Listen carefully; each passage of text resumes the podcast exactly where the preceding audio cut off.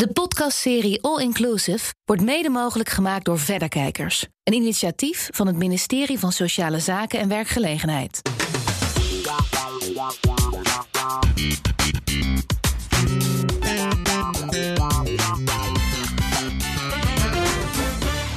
Ben Diana Matroos en in deze podcast All Inclusive praat ik met mijn gasten over diversiteit en inclusiviteit. We hebben vooral van Kim Putters in de eerste aflevering geleerd dat we over inclusiviteit moeten praten, want divers zijn we al. Nou, denk aan gender, LHBTI, leeftijd, eh, mensen met een culturele achtergrond, mensen met een beperking. En we gaan elke keer bespreken welke vraagstukken zijn er nou? Waar worstelen werkgevers mee en werknemers? En we praten ook altijd over de oplossing. En dit keer staan rolmodellen centraal. In deze aflevering is John Oliveira te gast. Hij is partner van journalistiek blockchain platform Publicism en interim bestuurder van de publieke omroep Amsterdam. Maar hij is vooral iemand die altijd, los van het werk, bezig is met te praten over inclusiviteit. De kwaliteit, ik vind dat echt nonsens. Ik denk dat niemand uh, een, uh, in een bedrijf uiteindelijk mensen aanneemt uh, buiten het kwaliteit. En er zijn voor mij, als het om dit onderwerp gaat, een aantal ankerpunten waarvan ik elke keer denk van als ik er niet uitkom, dan praat ik met een aantal mensen en daar hoor jij bij. Woehoe. Dat vind ik toch wel leuk om te horen. Ja, daar ben ik je zeer dankbaar voor. Nu, nu is het publiek, hè? Ja. het was een publiek. Ja. Het kleurt wel een beetje dit gesprek ja. misschien. Ja. ben je een rolmodel? Um, nou, dat, ik vind het um, uh, niet iets wat je over jezelf moet zeggen. Uh, maar dat vind ik. Waarom? Ja, ik wist dat die vraag zou komen. ja, je kent me. en ik mij ondertussen denken. Uh, omdat het uh, iets is, um, een rolmodel wordt voornamelijk eigenlijk bepaald door of een gemeenschap of door, door de ander, om het zo maar te zeggen. Uh, maar dat weet je best wel, toch? Je weet toch best wel wat mensen van jou vinden? Ik, ik denk dat, dat best wel wat mensen mij zien als een rolmodel. Afhankelijk van het, welke context je het bekijkt. Ja, waarom denk je dat ze jou zo zien? Ehm, het is zo mooi dit. Um, um, uh, ik denk dat het te maken heeft met mijn, uh, met mijn, uh, met mijn levenspad. Ik, ik mag mezelf op.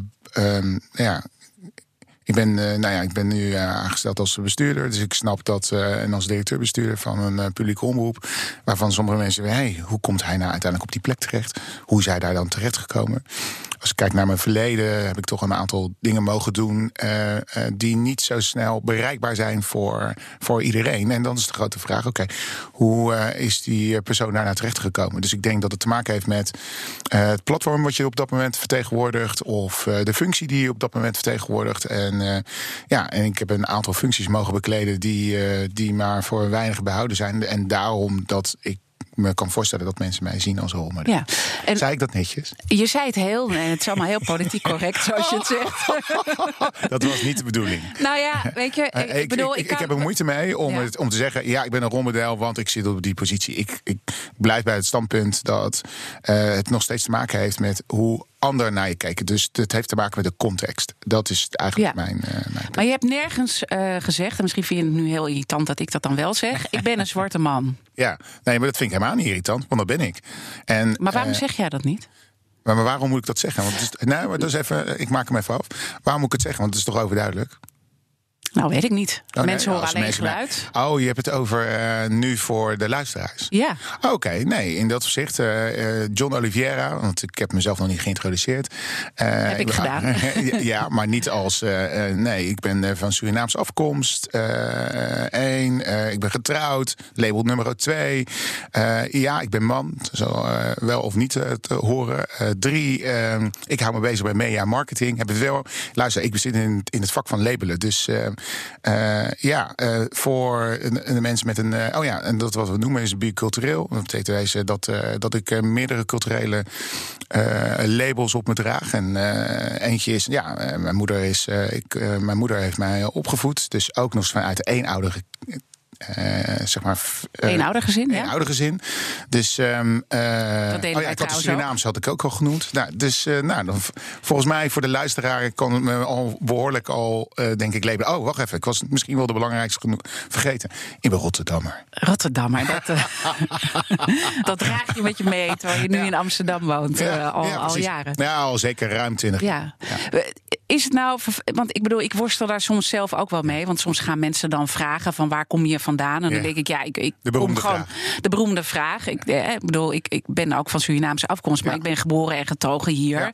in Amsterdam. Dus ik voel me Amsterdammer, ik voel me Nederlander. En, en ik ben ook heel erg trots op mijn Surinaamse achtergrond. Maar op het moment dat je het hebt over rolmodellen en hoe mensen je eh, benaderen, speelt dit wel een rol.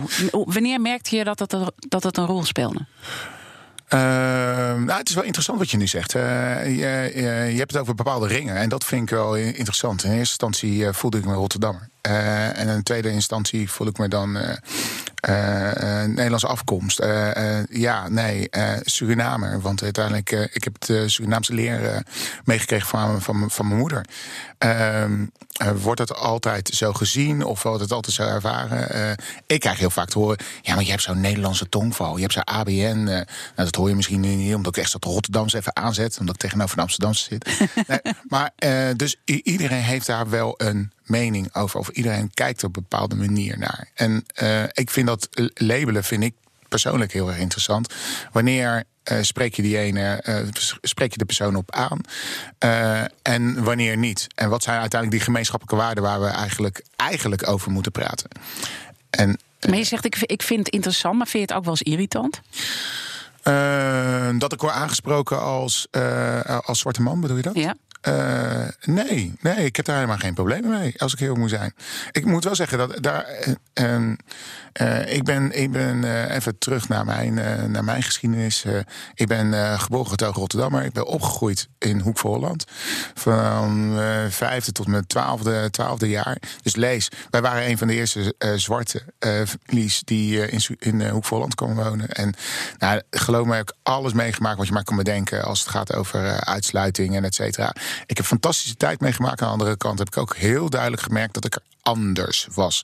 Of anders werd Kan je gezien. daar een voorbeeld van geven? Nou ja, racisme is daar een goed voorbeeld voor. Ik bedoel, ik kom nog uit de tijd dat we, dat we eh, de grapjes nog maakten van... eh, eh, hoe noem je een, een, een, een, een, nikker met een wikkel om? En dat, nou, weet je, dat, dat snicker. Nou, weet je, dus die, uit die tijd... nou, dat kunnen we ons bijna nu niet meer voorstellen. Dat, dat we dat soort taal gebruiken. Het is nu in mijn ogen... Op, wordt het op een hele andere manier gemanifesteerd. Maar dat is, dat is wel typerend voor die Ja, tijd. maar dat, dat, vormt jou natuurlijk Ja. eh, ook. Want als je even teruggaat Ja. naar die tijd. Je noemde, ik bedoel, we hoeven hem niet nog een keer te herhalen. Want hij is erg genoeg en hij is wel aangekomen, denk ik. Ja, dat denk ik ook. Maar wat deed het? Ik weet niet hoe oud je toen was ongeveer. En wat Nee, deed ik het heb van mijn vijfde tot mijn, eh, tot mijn eh, dertiende in Hoek Volland gewoond.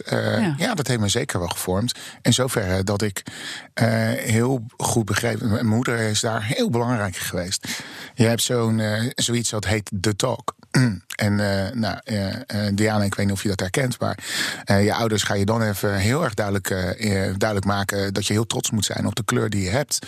En dat je, dat je prachtig bent op de manier waarop je bent. En dat je jezelf moet kunnen zijn. En dat je jezelf niet moet laten kleineren. En dat je voor jezelf moet opkomen. Dus daar, dat heeft absoluut een bijdrage geleverd. Dat is een van de redenen waarom ik er ook gewoon open kan, over kan praten. En waarom ik ook kan aanvoelen wanneer het fout gaat. Dus ik, voel heel snel aan wanneer iemand met een verkeerde intentie mij aanspreekt. Ja, kan je, daar, kan je dat uitleggen voor mij? Ja. Ehm, nou ja, eh, wanneer, ehm, eh, eh, wanneer naar je wordt gekeken vanuit een soort achterstandspositie. Kijk, ik voel mij niet. eh, ik heb hier gestudeerd, ik heb, hier, ik heb, ik heb een fantastisch traject open. Ik, voel me niet minder dan de ander. Dus het moment dat ik word aangesproken op basis van mijn, van mijn kleur, daar ben ik gevoelig voor. Dan, eh, dan eh, of ik weerleg dat, of ik eh, vergroot het uit, zodat de ander bewust is van, ja, eigenlijk, eh, eigenlijk is het een non-issue, dus waarom hebben we het hierover? Ja, en is dat dan zo'n voorbeeld wat je net zei van eh, dat iemand tegen je zegt: Goh, wat heb jij een, eh, een, een, een wat, hoe noem je het? Tongval? Wat was het? Ja, nou? ja, ja. De, eh, wat spreek je toch? ja, nou, dit is zo interessant. Nou, laten we even een mooi voorbeeld geven. Ehm, eh, ik ben Hoef Holland is schuur tegen het Westland. Hè. Het is een stukje Rotterdam in, in het, aan het strand richting Westland. Dus je voelt aankomen veel tuinders, et cetera. Dus, um, en als jij um, rond de leeftijd van 12 of af van 10 of 12, dan uh, wil je wat centjes bij verdienen. En wat doe je dan? Uh, dan, ga je, uh, dan ga je rondbellen. nou, mijn rondbellen was natuurlijk... Nou, hallo, ik ben John Oliviera en ik wil graag bij u komen werken, et cetera. Nou, dat vinden, vinden mensen allemaal fantastisch, et cetera. Maar vervolgens zien ze mij live. En dan krijg je uiteindelijk, ik noem het even, het gesprek. Het begint al uiteindelijk dat mensen al eigenlijk al een beetje schrikken als ze je dan zien. En ik heb dat uh, heel vaak meegemaakt. Recent nog? Mm, uh, nou, de grap is dat dat, dat uh, niet zo. Niet zozeer omdat ze me nu aan de telefoon hebben gehad. Ja, ik, ik, maar ik, de grap is, het is een onderdeel van mijn natuur geworden. Dus als ik merk dat mensen schrikken, dan, uh, dan heb ik daar direct al een eerste reactie op van iets in die geest van. dat was volgens mij niet helemaal volgens jouw verwachting. Of iets in die geest. Dus ik, ik probeer het altijd te breken. En ik weet dat het is misschien niet helemaal wenselijk, maar ik, weet, ik zie gewoon aan gedrag dat het niet overeenkomt met wat ze hadden verwacht. En maar eigenlijk help je ze een beetje dan? Ja, natuurlijk help ik ze. En ik help daar ook met mezelf mee. Uh, in, nu tegenwoordig met sociale media is dat klaar. Ik bedoel, uh, nu, uh, nou, voorbeeld was, er was een persbericht uitgegaan, nou, met mijn foto geloof me, daar had ik wel over nagedacht. Uh, uh, over, het feit dat je interim uh, bestuurder bent van de ja, ja, publieke omroep Amsterdam. natuurlijk, weet je, ik bedoel... maar hoe, vertel, hoe heb je daarover nagedacht dan? Nou ja, in zoverre, mijn vraag, de vraag die regelmatig werd gesteld... Kijk, in business business is dat heel erg normaal dat je, dat je een foto erbij bij, bij verstuurt. Ehm, maar in dit geval had ik heel sterk het idee dat heel veel mensen kennen mij gewoon niet. Dus vind ik het ook heel logisch dat je ah, een bepaald beeld ook uiteindelijk van die personen. Ja, dat, dat, ik denk dat dat helpt. Ik denk dat dat in dit opzicht uh, zichtbaar maakt. Ja. Ik moet hier even over nadenken. Want, ja, dat weet ik. Dat ja, zie ik aan je. Ja, want wat je zegt van oké, er, komt, er komt een persbericht naar buiten dat jij die, die functie hebt. Ah, daar zit heel vaak een Nee, er zit niet altijd een foto bij. Hè? En nu dacht je, het is toch goed dat er een foto nou bij zit? Uh, moet zo bedenken, het is, het is voor hoe ik het heb overwogen. Het is niet zozeer omdat het is overwogen vanuit uh, zeg maar degene die hebben verstuurd. Maar wat is die overweging? Want dat is interessant, hè? Want we hebben het natuurlijk over um, nou ja, rolmodellen zoals jij, die dan. Nou ja, maar daarom vertel ik het ook hier. Het is, uh, we hebben het nu over een. Uh, ik denk dat het een uh, goed signaal ook afgeeft dat, dat er iemand is met een, met een culturele achtergrond op zijn positie. Ik denk dat het. daar ben ik ook trots op. Ja. Daar ben je trots op, maar voelt het niet ook ehm, dubbel als je op die manier dan Oké, je, je brengt dat dan zelf naar buiten. En misschien speelt dat mee van misschien word ik daar om die reden ook om gevraagd. Maar ik merk wel eens dat ik over, voor dat soort dingen word eh, gevraagd. En ik wil dan gevraagd worden vanwege mijn kwaliteit en niet vanwege mijn kleur. Ah, daar was hij. Terwijl ik wel trots nee, daar ben was die. Daar kwam die. Kwaliteit. Oh. ja. ja, eh, laat ik die even, uh, sowieso even isoleren. Uh, kwaliteit, ik vind dat echt nonsens ik denk dat niemand uh, een, uh, in een bedrijf uiteindelijk mensen aanneemt uh, buiten het kwaliteitskader om. Dus dat is voor mij. Je gelooft niet dat er nu lijstjes zijn van we moeten iets met diversiteit, we moeten inclusiever zijn en daar gaan we. Ik geloof dat we die tijd achter ons hebben gehouden. Dat is een, heel lang geweest in de jaren negentig. dat dat uiteindelijk, en dat is ook een beetje wat naar voren wordt, waar we ons nog steeds aan vasthouden. Van ja, maar in het kader van kwaliteit en kwaliteit, ik vind dat nonsens. Als mensen, weet je, maar mensen worden wel mee geconfronteerd. Nee, John? ik zeg niet dat ze maar niet je bent om die reden waarschijnlijk aangenomen. Ja, nee, maar dat zegt toch iets over perceptie? Ik zeg al, eh, het zegt eigenlijk veel ook over de persoon die het zegt. Ik vind, ik, nou ja, uh, ik ken nou, bij alle bedrijven waar ik tot nu toe heb gewerkt, of voor heb gewerkt, geloof niet dat kwaliteit een discussie is. Dus kwaliteit is een randvoorwaarde. Ik snap dat dat wordt gezegd. Eh, ik denk dat dat eigenlijk iets meer vertelt over degene die dat zegt. Dat hij zich daarmee bezighoudt en dat hij, zich, dat hij nog steeds denkt dat mhm. mensen worden voorgetrokken. Want daar komt het een beetje van. Ja, maar er wordt al voorgetrokken en et cetera. Ja. Uh, nee. Nee, kwaliteit is niet in discussie op dit moment. En dat is een understatement. Het zegt ook iets over hoe jij uh, vol zelfvertrouwen, daar, daar kan ik dan weer op van onder de indruk zijn, naar jezelf kan kijken. Ja, nee, maar 100 procent. Ik bedoel, uh, ik was, nou, laat ik een heel goed voorbeeld geven.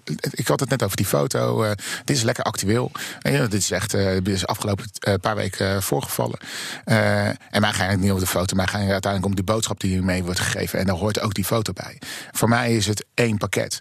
En, en daar sta ik achter. en in B2B is het heel normaal om een foto mee te sturen. En maar voor B2C niet. Nou, dat zie je eigenlijk overwegend niet. Dus, uh, dus ik liep Heb je heel bewust gedaan? Nou ja, in zoverre. Ik was me niet. Nee, ik ga het anders stellen. Ik was me niet bewust dat het ook op. Op kijk, het stond op AT5. ja, daar kijken heel veel Amsterdammers naar. En dat heb ik geweten. Want wat is er gebeurd? Nou ja, ik loop over de markt en mensen feliciteren of lopen naar me toe en et cetera. En dan denk ik van, oh ja, shit. Uh, in die context, ik stond gewoon natuurlijk op AT5. En dat zeiden ze ook. Ja, ja, dat viel me ook op. Ik zag jouw foto er gewoon bij staan. Dus in die context is het is dat verrassend, zou ik maar zeggen.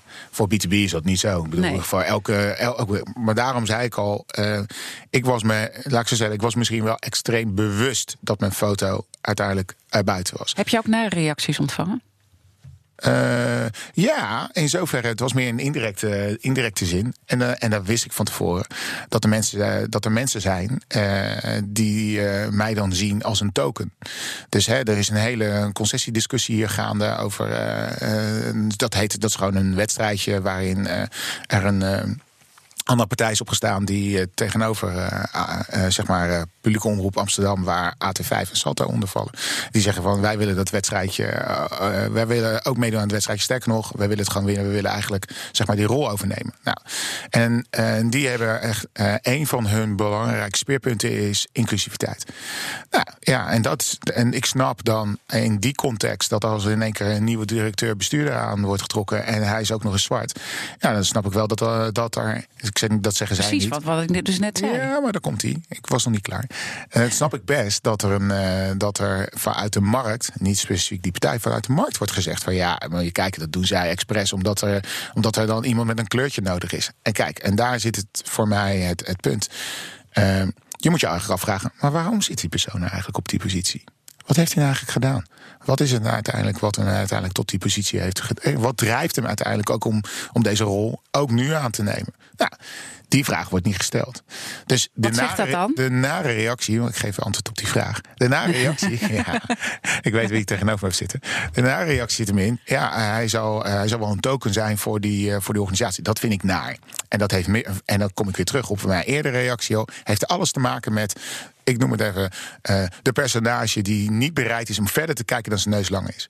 Uh, luister, ik zit al jaren in deze publieke omroepbestel. Ik ben bestuurder daarin. Ik heb jaren strategisch advies gegeven aan, aan mediabedrijven uh, en journalistieke bedrijven. Dus ik heb daarin denk ik wel een staat van dienst. Alleen, daar ligt ook een eigen verantwoordelijkheid. Daar was die. Eigen verantwoordelijkheid om dat tentoonspreiden. Toen dacht ik van, oh ja, John, jij moet ook even aan de, aan de bak.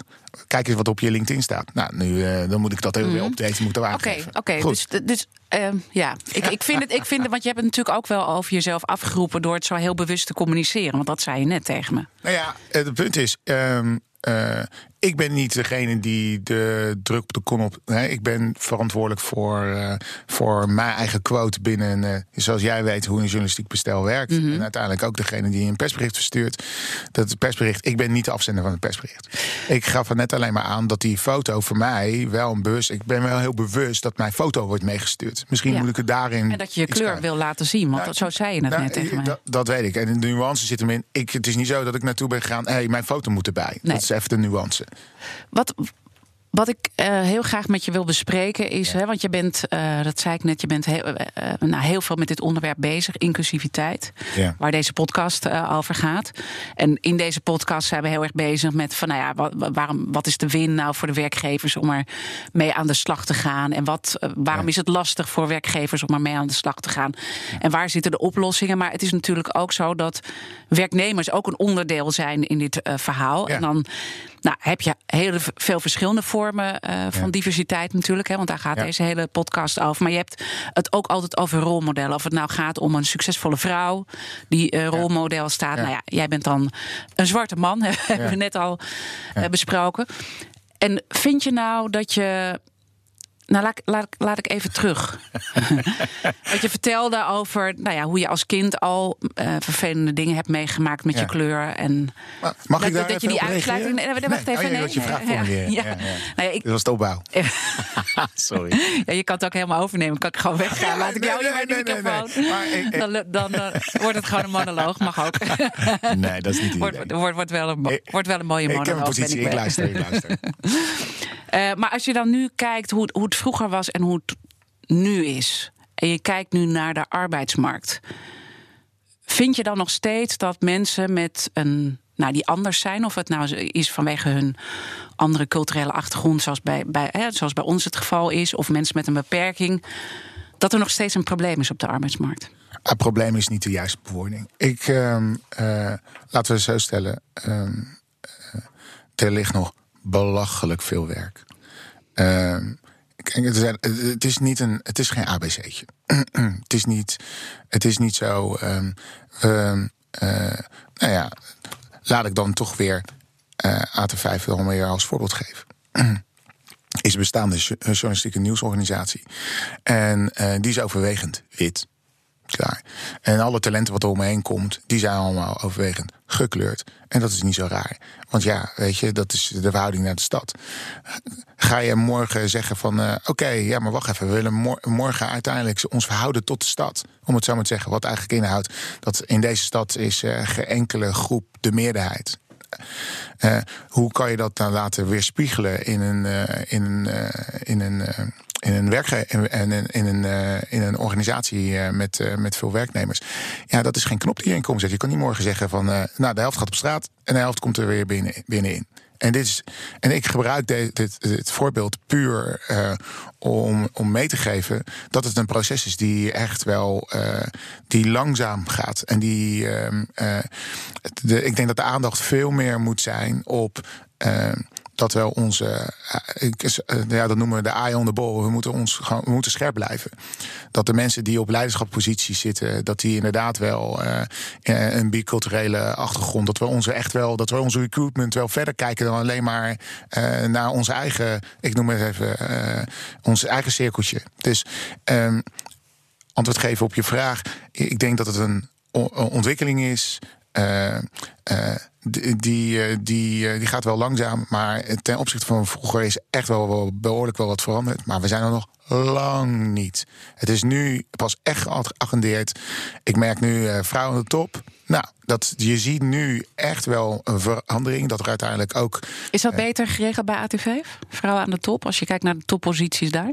Nee, nee, het is helemaal niet beter geregeld. Ik denk dat daar nog gewoon genoeg werk ligt. En het is maar een kleine organisatie, voor alle duidelijkheid. Ik bedoel, uh, er zitten nu nog twee directeuren op uh, AT5 en op Salto zitten, mm. zitten één. Nou, uh, daar spreek je nu mee. nou, het zijn allebei mannen en ook nog eens allemaal 45 plus. Dus in dat opzicht, oké, het verschil is dat ik dan een kleurtje heb. Maar Raad van Toezicht daarentegen, daar bij, bij Publieke Omroep Amsterdam, ja, er zit, brrr, er zit één vrouw en vier mannen uit mijn hoofd. Okay. Dus dat, er, zijn, er zit ook geen kleur. Dus mijn punt is, ik denk dat ja, uh, het, zou, het moet nog beter geagendeerd worden. Er moet beter op gestuurd worden. En laten we het alsjeblieft gewoon doen. Een hmm. voorbeeld hier voor mij is, is niet erover te praten. Het is een positie doen. Okay. Kijken naar wie er. En ik snap, want je praat nu vanuit uh, de werkgeverskant. En dat is ook ja. heel interessant. Maar uh, ik, ik, je, je bent hier ook nu ja. voor deze aflevering. Omdat je een rolmodel bent. Um, en wat ik ook belangrijk vind, dat in deze aflevering duidelijk wordt wat kunnen rolmodellen zelf doen. En ook de rolmodellen die misschien nog niet zichtbaar zijn. Hè, want jij bent zichtbaar. Uh, geworden door de dingen die je hebt gedaan. Daarom ben je een rolmodel voor anderen. Maar er zijn ook heel veel talenten die toch tot een bepaalde minderheidsgroepering in, in het werkende leven ja. uh, zitten. Die misschien soms zullen denken, bepaalde signalen nog niet helemaal herkennen. Die denken dan: ben ik nou gek wat er nu gebeurt? En ja. Uh, hoe moet ik nou op het moment dat je ambitie hebt van A naar B komen? Hoe kan ik wel naar die top komen? En die daar tegenaan lopen en die dat lastig vinden, hebben die zelf een taak om er doorheen te breken? Of moeten de werkgevers dat doen? Wat vind jij? Nou, uh, twee dingen die ik hierover wil zeggen. Uh, als maar bewust zijn dat er wel structuren zijn. Dus er zijn bestaande structuren. En, daar hoort een werkgever zich van bewust te zijn. Uh, en een structuur bedoel ik meer mee dat, er een, uh, een, uh, dat we een manier van werken hebben, dat we afspraken hebben, dat er, dat er netwerken zijn. en dat bedoel ik met structuur de werk, want daar wil je naartoe. Even naar de werknemerskant of we lezen. Uh, uh, iedereen die hier naar luistert, die ziet van ik ben aan het solliciteren of ik wil naar, uh, naar die volgende niveau toe. ja, natuurlijk ligt daar eigen verantwoordelijkheid. in hoeverre verhoud jij je tot netwerken? Ja of nee? in hoeverre ben je bezig om dat mee te geven aan, aan zeg maar, je omgeving? Er zijn bizar veel netwerken. En, die, en netwerken voor mij is niet zozeer, het moet een businessnetwerk zijn. Uh, nee, het kan ook uiteindelijk, het begint ook al bij de voetbalclub of bij de, of bij de hockeyclub. I, don't care wat je ook uiteindelijk om doet. En dat zijn allemaal netwerken. We verhouden ons allemaal tot elkaar. En ik denk dat. Uh, je, je verbaast je soms misschien uh, wel over hoe netwerken zich tot elkaar verhouden. Mensen zijn niet op zo'n manier bezig. Ze maken te veel een onderscheid tussen. Ja, maar dit is voor mij mijn privé dingetje. En dit is voor mij mijn zakending. Maar we zijn allemaal mensen, we houden ons allemaal tot elkaar. En ik denk dat als, uh, als jij uh, je ambitie hebt en daar ligt eigen verantwoordelijkheid om jezelf goed te verdiepen tot de plek waar je naartoe wil gaan. Uh, waar je tot wil verhouden. Van oké, wat betekent dat nou? Wat voor cultuur heerst daar nou? Voel me daar wel thuis, ja of nee? Uh, uh, wie zijn de mensen in mijn directe omgeving of indirecte omgeving die zich wel daartoe verhouden? Ja, ik zeg altijd durf te vragen. Ik zeg DTV. Ik, het, het, het valt mij heel erg op. Ik krijg best wel veel vragen over ja, maar ik wil daar naartoe. Hoe heb jij dat gedaan? Of hoe kom ik daar nou uiteindelijk binnen? En dan denk ik van ja, oké, maar wat heb je nu gedaan om daar, uh, wat voor uh, onderzoek heb je eigenlijk gedaan om erachter te komen wat daar, tot hoe ver je daartoe verhoudt? Uh, we hebben over de 60 degrees of separation. Nou, dat is een, een soort methode van hoe, hoeveel mensen moet ik uiteindelijk Nee, de, de, idee erachter is dat je uh, zes stappen nodig hebt om tot de Amerikaanse president te komen.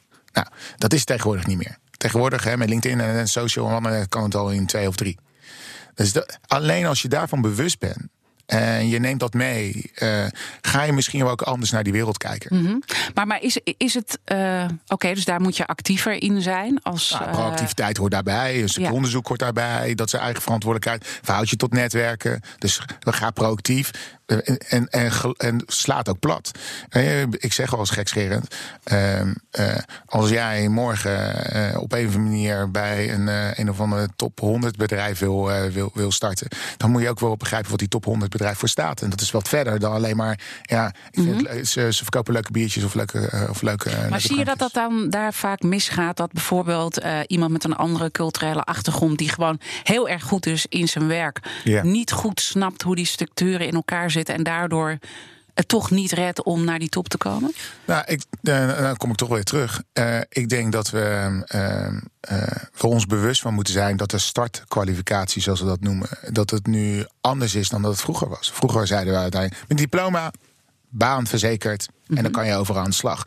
En als jij een andere achtergrond had, dan uh, had je uiteindelijk de glazen plafond. Of als je vrouw was, had je glazen, ze, ze zwarte en de glazen plafond, zo noem ik het dan maar. ja. Dan moest je dan doorheen breken. Om daar, uh, ja, dat is prachtig. Maar je hebt nu nog een aantal andere waar je doorheen moet. En dan maakt het op zich niet uit welke kleur je hebt. Je, je zou jezelf veel meer moeten verdiepen uh, in, in de plek en de omgeving waar je, waar je toe wil verhouden. Dus ik denk dat diegene van een, met een, een zwarte achtergrond, laat ik zeggen, een zwarte huidskleur vanuit het gedachte vanuit niet wit, om het zo maar te zeggen. Dat hij, um, dat, hij, dat hij ook extra moeite moet doen. Net zoals iedereen dat moet. Je, moet, je, je mm -hmm. moet verhouden tot je netwerk. En misschien maar, kom je dan erachter ja. dat je netwerk wel wat, uh, wat wijdverspreider is dan dat het uh, dan, uh, dan je in eerste instantie misschien in gedachten had. Kan, kan je het, nou ja, codes is, voert misschien te ver, maar kan, kan je het concreet maken hoe zoiets dan werkt in de praktijk? Laten we nemen de vrijdagmiddag, vrijdagmiddagborrel. Nee, dat is een goed voorbeeld. En uh, pardon, in het voorgesprek had ik uh, al aangegeven dat ik een beetje moeite heb met het woord codes. Ik heb daar zelf ook al een idee bij, want ik had had ik ook het zijn van die codes, maar dat voelt als een soort secret handshake. Ik denk dat het allemaal te maken heeft met, met kennis. Als jij niet weet dat die vrijdagmiddagbol, dat daar, zoals we dat noemen, de derde helft, dat daar veel gesprekken plaatsvinden en dat daar ook mensen elkaar op een andere manier leren kennen. Dat je daar zelf ook een bijdrage aan moet leveren. Om, uh, om de organisatie ook beter te leren kennen. Maar ook om je andere kwaliteiten kenbaar te maken. Ja, uh, hoort er nu eenmaal bij. En ik denk dat dat ook weer te maken heeft. Hetzelfde geldt ook voor al die borrels die in de stad zijn. Of dat je uiteindelijk je extra inzet. Uh, en dat extra inzet, dat je dat ook zichtbaar maakt. Ja, Dus vrij, vrijdagmiddelbol, uh, ja, dat is afhankelijk van de context. Hè, want ik bedenk dat, dat het voor de ene bedrijf is dat veel belangrijker dan voor het andere bedrijf. Uh, Verdiep je daarin en ben, ja, ben maar dat is de bedrijfscultuur. En ik denk dat dit, is het voor, dit is het voorwerk. Als je ergens binnenkomt, wil je eigenlijk proberen te begrijpen... hoe, hoe werkt zo'n dynamiek nou van zo'n bedrijf? Ik snap best dat als je net komt kijken, dat dat heel lastig is. Maar dan, kijk dan om je heen naar andere mensen... die dat traject al een keertje eerder hebben doorlopen. Maar die vragen durven stellen, daar begint het mee. En voor mij maakt dat, dat zich niet uit of je zwart, wit of geel bent. Dat is voor iedereen diezelfde moeite. Ik moet er wel het volgende bij zeggen.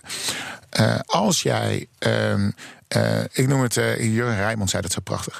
Die zei van, wij kwamen over vanuit, vanuit Suriname. Eigenlijk wat we meenamen was onze, was onze familie. En hier, de, en wij moesten zeg maar het, ons uh, verhouden tussen mensen die hebben een netwerk.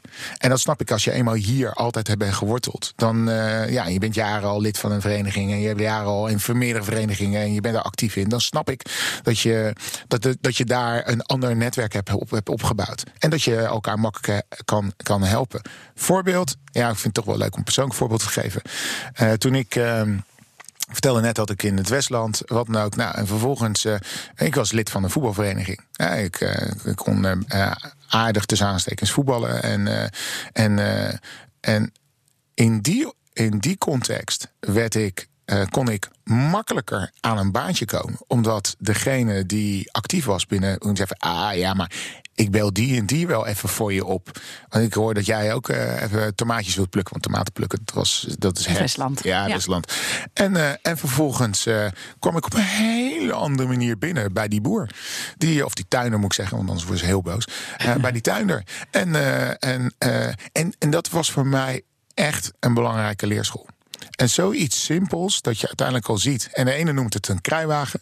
Ja, en dat betekent wezen dat je eigenlijk al was. Maar als ik die vraag niet had gesteld, had ik ook nooit dat baantje gekregen. En had niemand uiteindelijk op dat moment gezegd: Nou ja, weet je, ik weet wel iemand. En, daar, en die en die en we zitten daar ook al. Ja.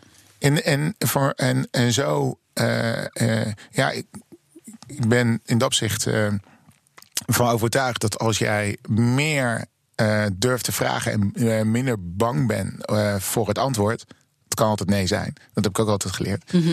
Eh, eh, dan gaat er echt wel, dan gaan er in mijn ogen wel weer nieuwe deuren open. En is dat vaak wat, wat toch uh, mensen met een andere culturele achtergrond of die tot een bepaalde minderheidsgroep, als het gaat om dat werkende leven, hè, want, want, daar, want daar hebben we het over. Uh, dat die toch dat niet durven te vragen en een soort een beetje onzeker zijn over het antwoord? Nee, dat vind ik. Ik, vind dat, ik snap dat je die vraag stelt.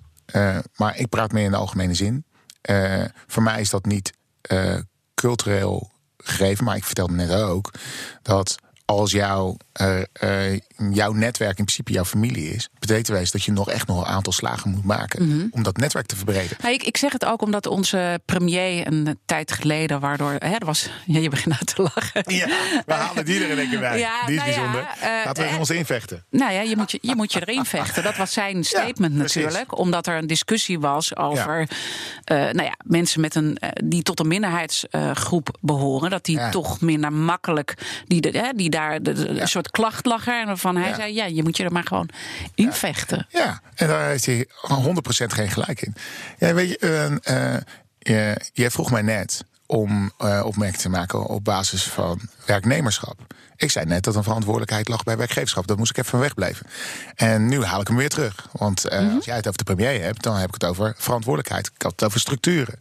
Ik had het over uh, dat er bestaande structuren zijn. En ik denk dat een uh, werkgever in eerste instantie bij zichzelf te raden moet gaan. Van oké, okay, hoe ziet nou uiteindelijk onze bedrijfscultuur ernaar nou uit? En wie zijn dan onze vaandeldragers? En is het. En stel je eens de vraag als je in Amsterdam werkgever bent. En, en het is overwegend wit wat er allemaal rondloopt. En je loopt naar buiten en je ziet allemaal wel kleur dat er toch even iets aan de hand is. Uh, en, dat het, en als er dan nieuwe mensen worden voorgesteld door uh, eh, HR-manager eh, of PNO of welke onderdeel dat ook mogen zijn. En je ziet uiteindelijk alleen maar, ik zeg maar, mensen met RAL 902. Ja, dan moet je jezelf de vraag stellen: doen we het dan wel goed, ja of nee? Dus voor mij ligt daar de eerste stap. dus Ik kan, mijn stelling is niet. De verantwoordelijkheid ligt volledig bij degene met een biculturele achtergrond. Nee, natuurlijk niet. Ik bedoel, sterker nog, ik zei al, er is nog, ligt nog bergen met werk. alleen wat ik mooi vind ten opzichte van vroeger is dat we nu Ah, het, is, eh, het wordt bespreekbaar gemaakt. Er zijn veel meer activisten die zich daarover uitspreken. Erg belangrijk. Die zeg maar die deuren binnen. Nou, in ieder geval die het agenderen. En nou, is dan, uh, nu ligt de bal bij de werkgever om daar ook wat mee te doen. Terug te komen naar publiek omroep Amsterdam. Laat ik die dan toch even meenemen. Dan ik toch hier zit. Ja, daar ligt eigen verantwoordelijkheid. Bewustzijn van hé, hey, er moet hier nu wat aan veranderen. Op alle niveaus. Van het hoogste niveau tot, al, tot aan uiteindelijk aan, aan de werkvloer. En dat begint uiteindelijk met het uh, aannamebeleid. En dat zit hem. Uh, en mijn stelling is, en daarom is ook één is geen. Dus het, moet ook niet, het moet ook niet alleen maar een John Oliveira zijn. Absoluut niet. Je zou je moeten verhouden tot, tot de stad. En dat zeg ik nu in deze functie. Maar voor mij is dat een lering voor heel veel organisaties. Mm -hmm. Je zegt het is veel beter geworden als het gaat om inclusiviteit. Als je het vergelijkt met jaren geleden. Maar we hebben nog een hele lange weg te gaan. Ja. Stemt dat je treurig? Want je hebt ook een dochter. want je hebt ook een dochter. Ja, maak het even persoonlijk, John. nee, Ik vond het sowieso een persoonlijk gesprek. Ja, ja, zeker. Absoluut. Is ook zo. Maak het nog persoonlijker. nee, eh, de vraag zou eigenlijk moeten zijn, Diana, of ik, eh, of de, of ik de toekomst rooskleurig zie. En ja, die zie ik rooskleurig. Ik kijk uiteindelijk naar de talenten die afkomen. Uh, zij is opgevoed dat zij onder de... Zij is Amsterdamse, zo voelt ze zich ook. zij vindt het heel normaal dat er om kwart over negen iftar uiteindelijk wordt. Voor haar is het logisch, vanzelfsprekend. Ja. Maakt ze dan niks mee? Bijna, bijna klaar. Haar uitdaging zit hem voornamelijk in. Uh, uh, tegen de tijd dat zij, ze is nu 13, tegen de tijd dat zij uh, meedraait in, in zeg maar in het arbeids, in het arbeidsmarkt, dus zeg maar vanaf 10, 15 jaar, ziet de wereld er dan uit, anders uit. Betekent te wezen dat we het dan niet meer hebben over het feit dat je een kleur hebt of wat niet. en dat ik ik, ik zeg niet dat het zo is.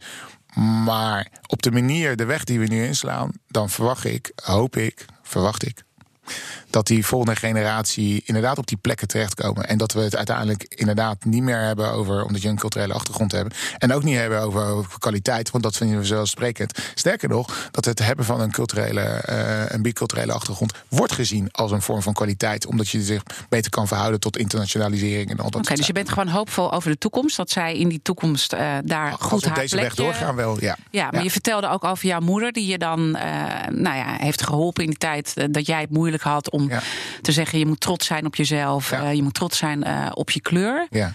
Ben je daar toch dan ook op die manier wel mee bezig met je oh, dochter? 100 procent. Hell yeah. Ze heeft een kleur. Hallo. Ik bedoel, zij moet zich. Dat is het eerste. Luister, weerbaarheid is misschien het allergrootste goed wat we onze kinderen mee kunnen geven. En dat zou voor uh, kinderen vanuit witte ouders wel totaal weer een andere invalshoek zijn dan voor uh, ouders met, een, uh, met, een, met gekleurde kinderen.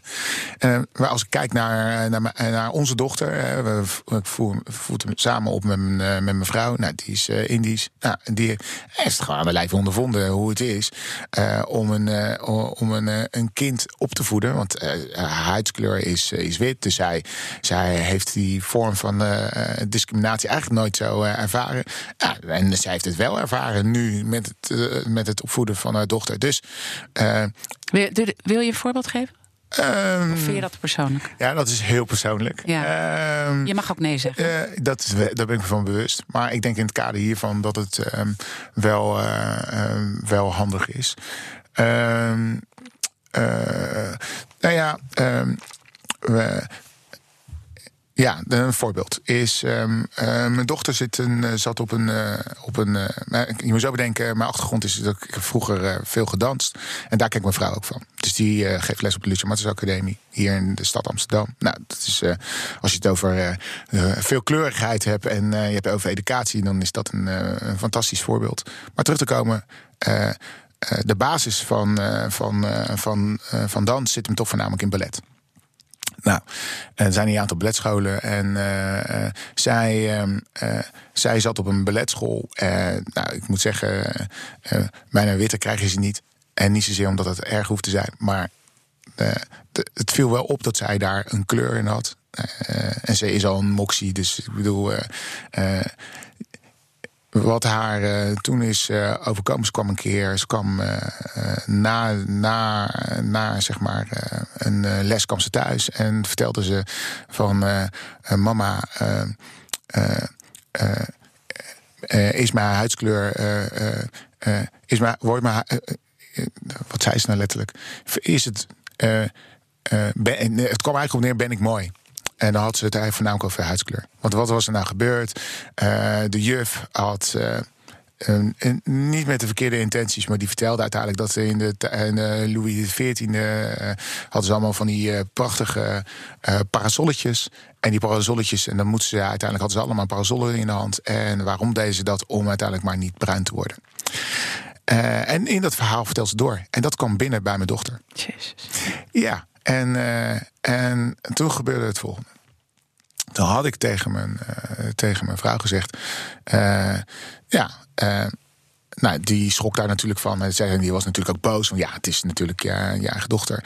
en zo hebben we met elkaar afgesproken: Oké, hoe gaan we hier nou mee om? En we moeten uiteindelijk de, de docent daarop aanspreken. En, maar ik heb, er, pardon, ik heb er ook gewaarschuwd. Die gaat het niet begrijpen. En die, want die heeft het met de beste intenties gedaan en et cetera. En die gaat het niet begrijpen. Hoe je het daar realiseer je dat dat de reactie gaat zijn. Uh, nou, dat geloofden ze niet. En, uh, althans, uh, in andere bewoordingen. Dit is de korte versie, de John Oliveira versie. Mm -hmm. En, en het resultaat was dat ze het ook niet begrepen. En dat ze de volgende keer daar rekenschap van zouden. Maar daar hield het dan ook bij op.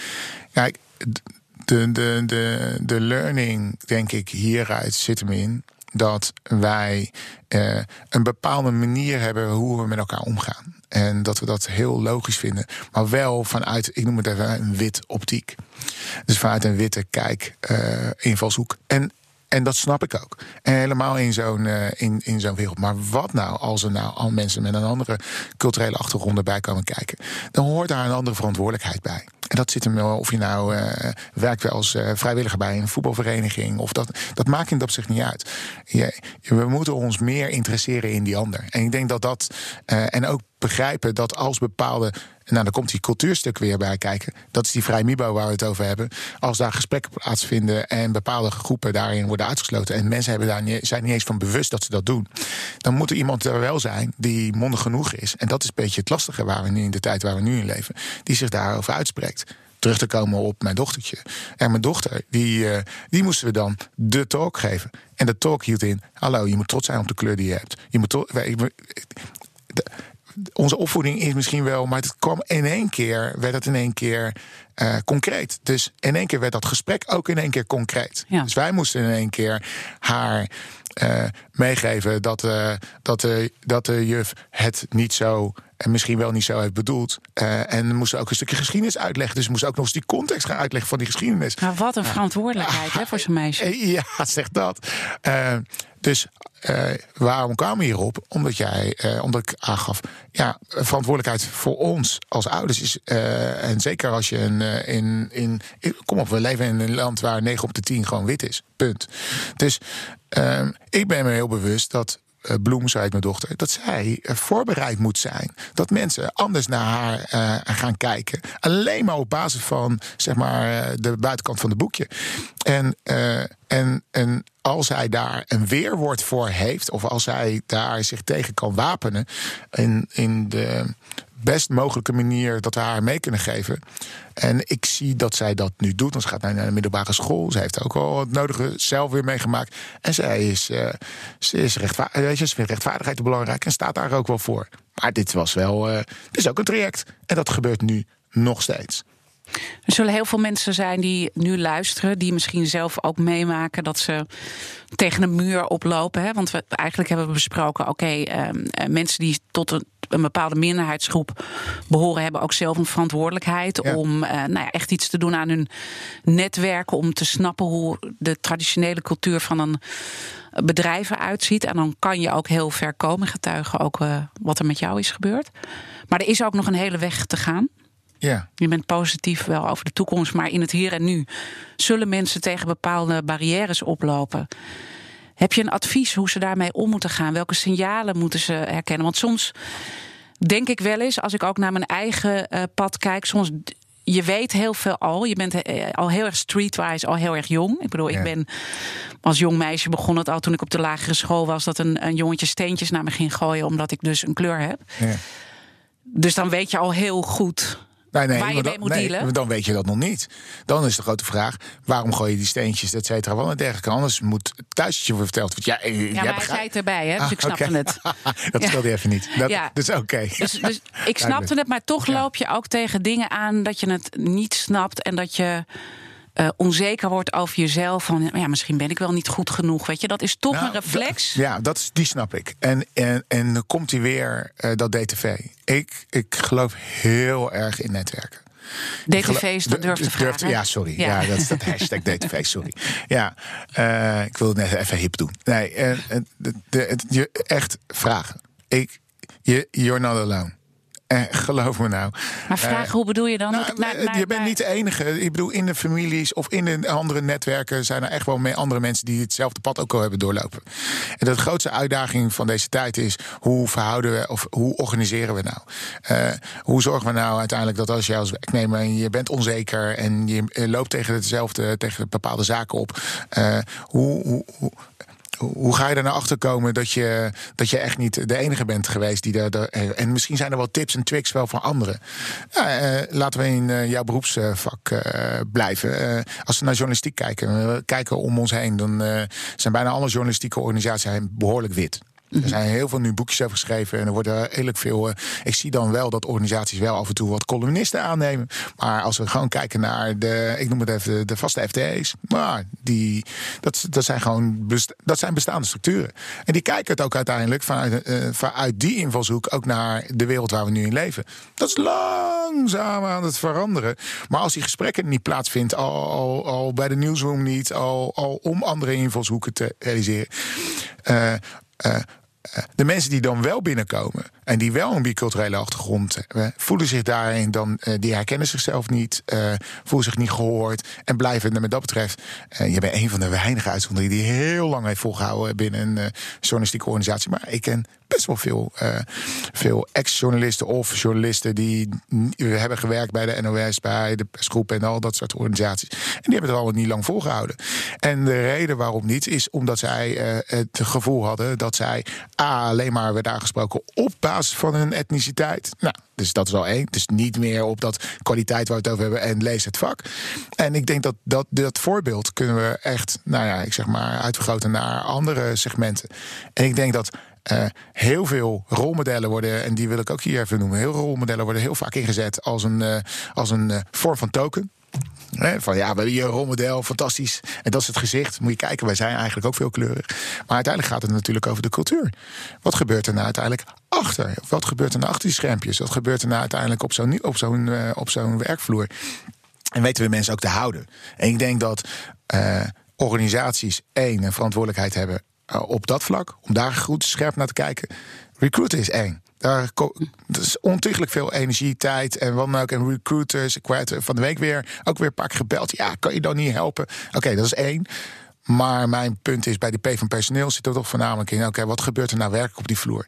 Zijn mensen wel bewust dat zij al met een vorm van bias... uiteindelijk ook naar die organisatie kijken of naar de mens kijken? En daarmee dat ze dan een onderdeel eigenlijk zijn van... ik noem het even die grote uitdaging waar we tegenaan lopen kijk ik naar uh, de, on, de onzekere ze zijn niet allemaal onzeker hoor. Maar mm. uh, laten we zeggen, mensen die zich bewegen in witte organisaties en die uh, vraagstukken hebben en, wel, en zich niet thuis voelen.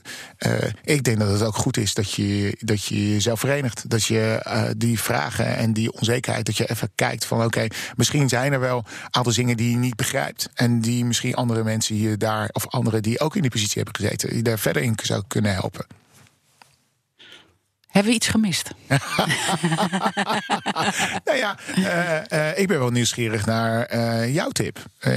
jij hebt 17 jaar bij RTL gewerkt. Nou, dat is toch wel nodig gebeurd. Daar hebben we veel over gelezen. Ik ben nieuwsgierig naar. Jij hebt het daar echt lang voor gehouden. Je bent echt nou, ik denk dat, en we kunnen ze bijna allemaal noemen op één hand, die zo lang bij een nieuwsorganisatie hebben gezeten.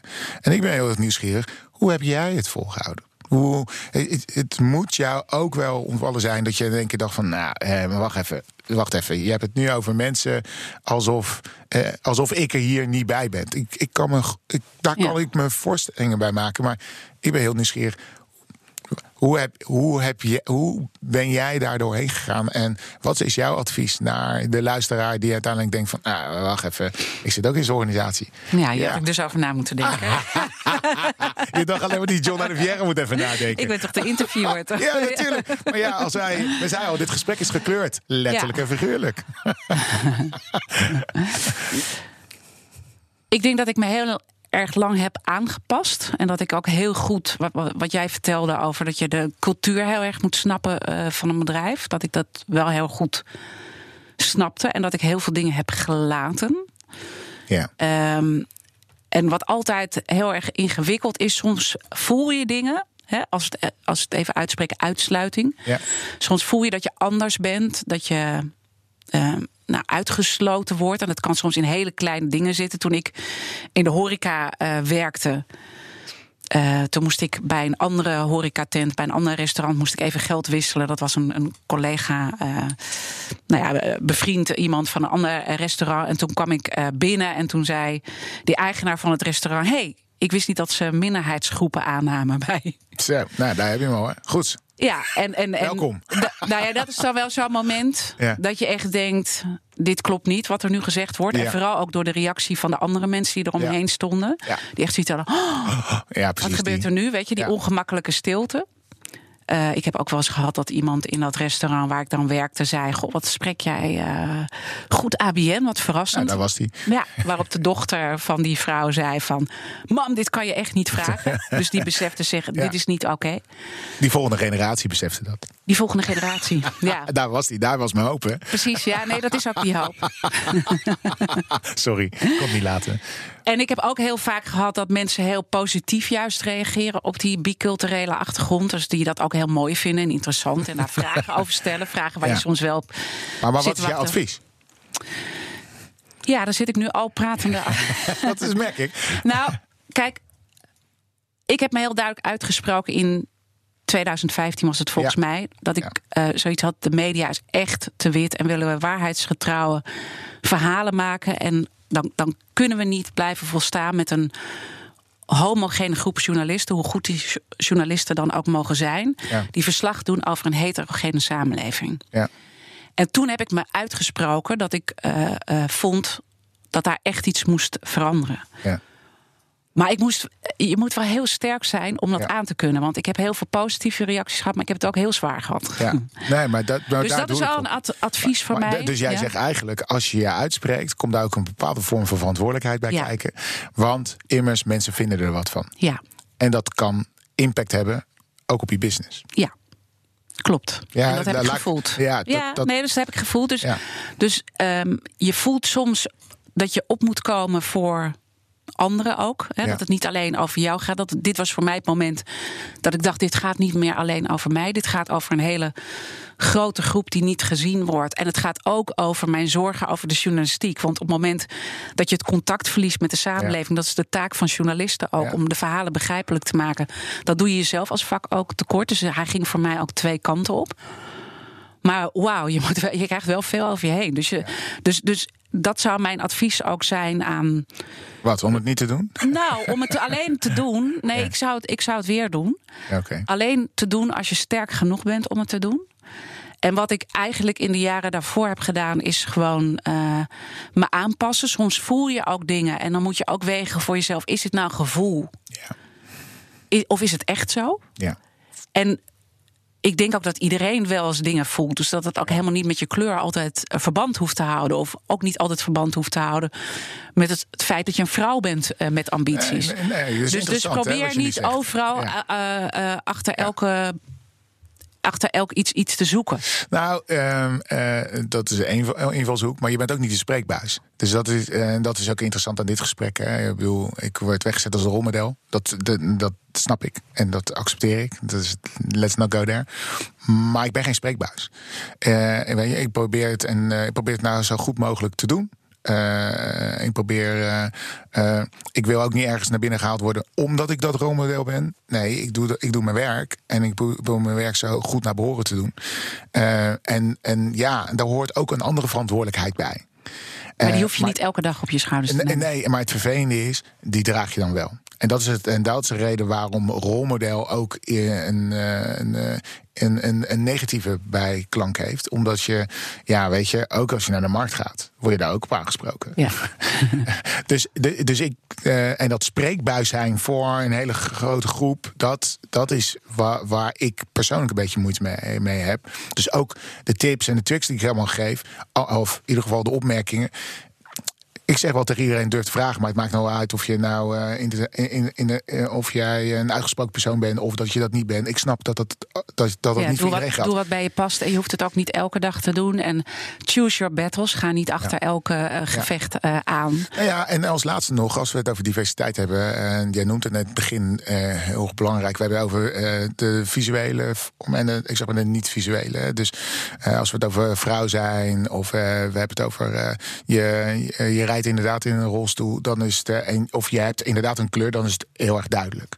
Maar er zijn natuurlijk ook allemaal groepen waar dat allemaal niet zo heel erg duidelijk voor is. En, en dan hebben we het over of we het nou over eh, de, de seksuele oriëntatie hebben. Eh, en, en wat ik ehm, wat ik daarin wil meegeven is precies, en dat is voor mij de belangrijkste afsluiting, is toch het creëren van een veilige werkomgeving is een verantwoordelijkheid voornamelijk bij de werkgever.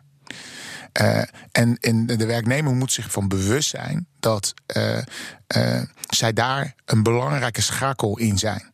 En ik daarom, ik wil die twee, ik wil dat wel even goed neerzetten, omdat ehm, we hebben het allemaal over heel veel zaken gehad. Maar uh, je hebt Kim Putters hier, uh, hier gehad. En ik denk dat die veilige werkomgeving. Ik ben heel actief uh, binnen diversiteit binnen het voetbal. En dat doe ik in een Europese, Europese context. En het spannende daarin is, is dat we wel degelijk die onderscheid heel duidelijk weer bemerken. Dus in het stadion gillen we allemaal homo, homo, homo. Maar ondertussen verbazen we ons uh, uiteindelijk dat uh, vinden we dat we dat ook die uh, de, de, LHBTI, dat ze uiteindelijk ook letterlijk uit de, uit de kast moeten komen tussen aanstekens. Je, je, je, kan heb je cake and toe. Uh, we, we, moeten uiteindelijk ook zorgen dat er een uh, omgeving is waar mensen veilig in kunnen, kunnen bewegen. En dat is voor mij ook op de werkvloer. En dat zit me voornamelijk op het visuele, over het visuele aspect. Als we ons daarvan bewust zijn en die, uh, ik zeg maar die waarden en normen waar we allemaal ons mond voor vol hebben, inclusief onze regering, dan zouden we daar uiteindelijk veel meer aandacht voor moeten geven. Vandaar mijn punt ook. We hebben nog genoeg. Er is nog zoveel te doen.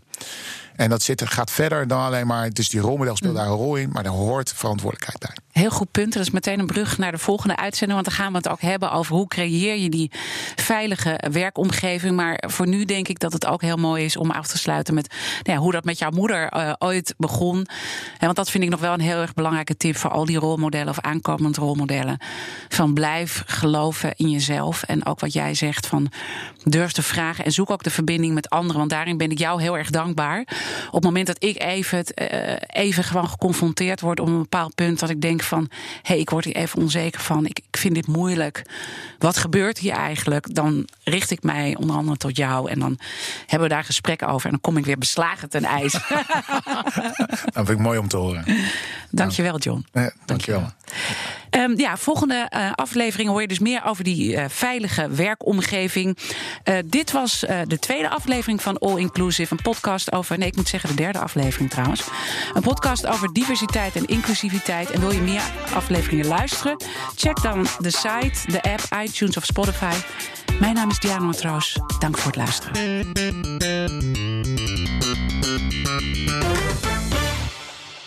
De podcastserie All Inclusive wordt mede mogelijk gemaakt door Verderkijkers. Een initiatief van het ministerie van Sociale Zaken en Werkgelegenheid. De podcastserie All Inclusive wordt mede mogelijk gemaakt door Verderkijkers. Een initiatief van het ministerie van Sociale Zaken en Werkgelegenheid.